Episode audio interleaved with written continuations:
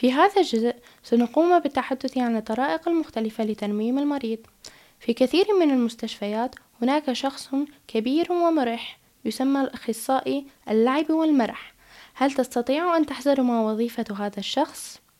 نعم حذرت وظيفته اللعب طوال اليوم سمعتك تسأل نفسك كيف يمكن أن تحصل على هذه الوظيفة؟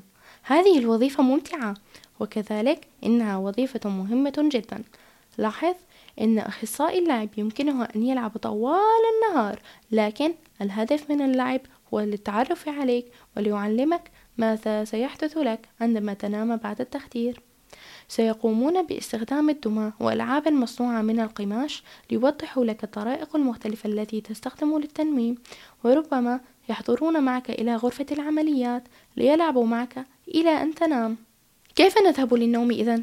أستطيع أن أسمعك تسأل هذا السؤال بصوت عال. هناك طريقتين.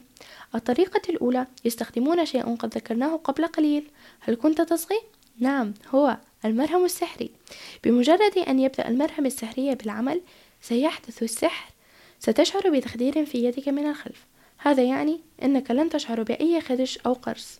هذا يعني أننا نستطيع أن نضع قصبة صغيرة في الوريد وبسبب وجود المرهم السحري فإنك لن تشعر بأي شيء يشبه القرص أو الأذى عند وضع هذه القصبة الصغيرة.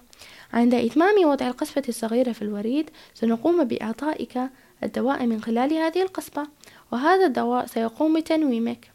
بينما أنت تنام ستشعر ربما بالضحك أو تتحرك قليلا لكن عادة الدواء يعمل بسرعة كبيرة.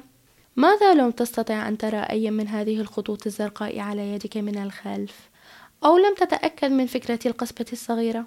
لا تقلق هناك طريقة أخرى للتخدير ليست طريقة عد الخراف لا لا لا ولا أغنية توينكل توينكل أو يلا تنام الطريقة الأخرى تتضمن استنشاق غاز التنميم من خلال القناع هذا الغاز سيدخل إلى جسمك عن طريق الرئتين أو كما نسميهم بالونات التنفس.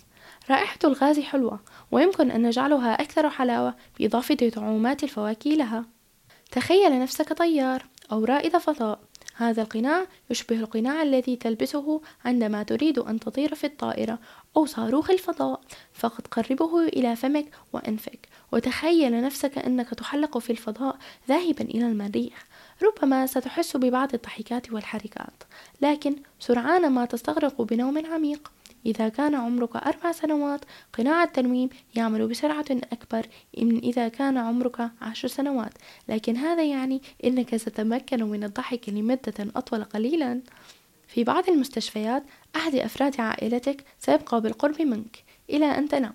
لكن في المستشفيات الأخرى أحد أصحابك الكبار الجدد سيأخذك إلى غرفة التخدير مكان التنويم. هذا الشخص أما أن يكون أخصائي اللعب والمرح أو الممرضة. حاول أن تتخيل شيء جميل لتحلم به. نحن نحب أن نستمع إلى أحلامك عندما تستيقظ. أحلاما سعيدة يا أحبائي.